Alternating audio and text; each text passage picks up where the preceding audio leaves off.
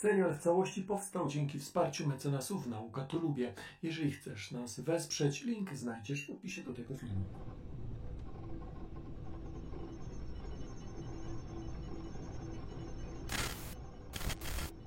Halo? Jesteście tam?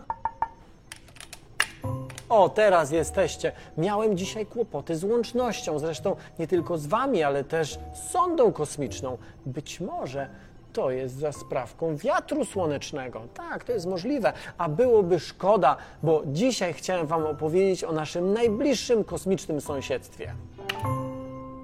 Na nocnym niebie można zobaczyć sporo jasnych kropek, ale to nie one są bliskimi sąsiadkami. Najbliżej nas jest Księżyc i akurat jego często widać bardzo wyraźnie.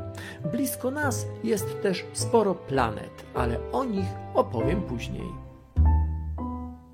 Z kolei w ciągu dnia wyraźnie widać słońce, choć musicie pamiętać, żeby nigdy nie spoglądać na nie bezpośrednio, bo to bardzo groźne i może uszkodzić Wam oczy.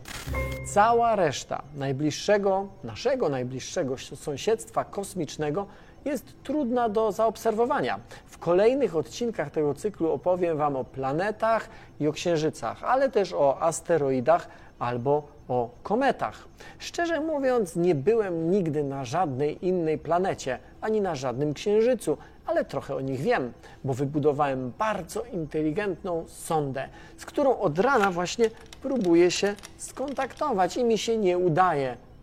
Mam nadzieję, że nic jej się nie stało. Dzisiaj wysłałem ją w kierunku Słońca. Halo, jesteś tam? Tu Ziemia, halo? Teraz cię słyszę, ale miałam kłopoty z powodu wiatru słonecznego. Czego? Wiatru słonecznego. To na Słońcu wieje wiatr? Nie na słońcu, tylko z kierunku słońca. Nasza gwiazda, bo Słońce to najbliższa nam gwiazda, wysyła w kosmos nie tylko światło, ale także cząstki. To maleńkie kawałki materii i to one czasami przeszkadzają w komunikacji. Mam nadzieję, że jesteś bezpieczna. Ale nie chcę już podlatywać bliżej, bo tutaj jest strasznie gorąco. Boję się, że przepalą mi się obwody, ale z tej odległości świetnie wszystko widać. Zrobiłam też kilka ciekawych pomiarów. Opowiedzieć Ci o nich? No jasne, to ja w takim razie zamieniam się w słuch, a ty opowiadaj. Jak wspomniałam, Słońce to gwiazda. Jest ogromne w porównaniu z planetami, ale w porównaniu z innymi gwiazdami jest raczej niewielkie. Gdyby było wielkości jabłka, Ziemia byłaby wielkości mniejszej niż ziarenko piasku. Znajduje się w samym środku Układu Słonecznego i to wokół niego krążą wszystkie planety. Gdyby zważyć Słońce, byłoby ono prawie 100 razy cięższe od wszystkich planet i wszystkich księżyców razem wziętych. To właśnie ta ogromna masa powoduje, że planety, księżyce, asteroidy i planetoidy krążą wokół Słońca. To Słońce rządzi w Układzie Słonecznym. To znaczy, że gdyby nie Słońce, nie byłoby nas tutaj? Was, czyli organizmów żywych, nie byłoby na pewno. To słońce daje energię, dzięki której rosną rośliny i żyją zwierzęta. Ja w sumie też działam dzięki energii słonecznej, bo mam panel, który przerabia ją na prąd elektryczny. Pewnie się zastanawiacie, skąd słońce ma energię. W jego wnętrzu zachodzą dość skomplikowane przemiany fizyczne, w których lekkie atomy łączą się w nieco cięższe. Wiecie, co to są atomy?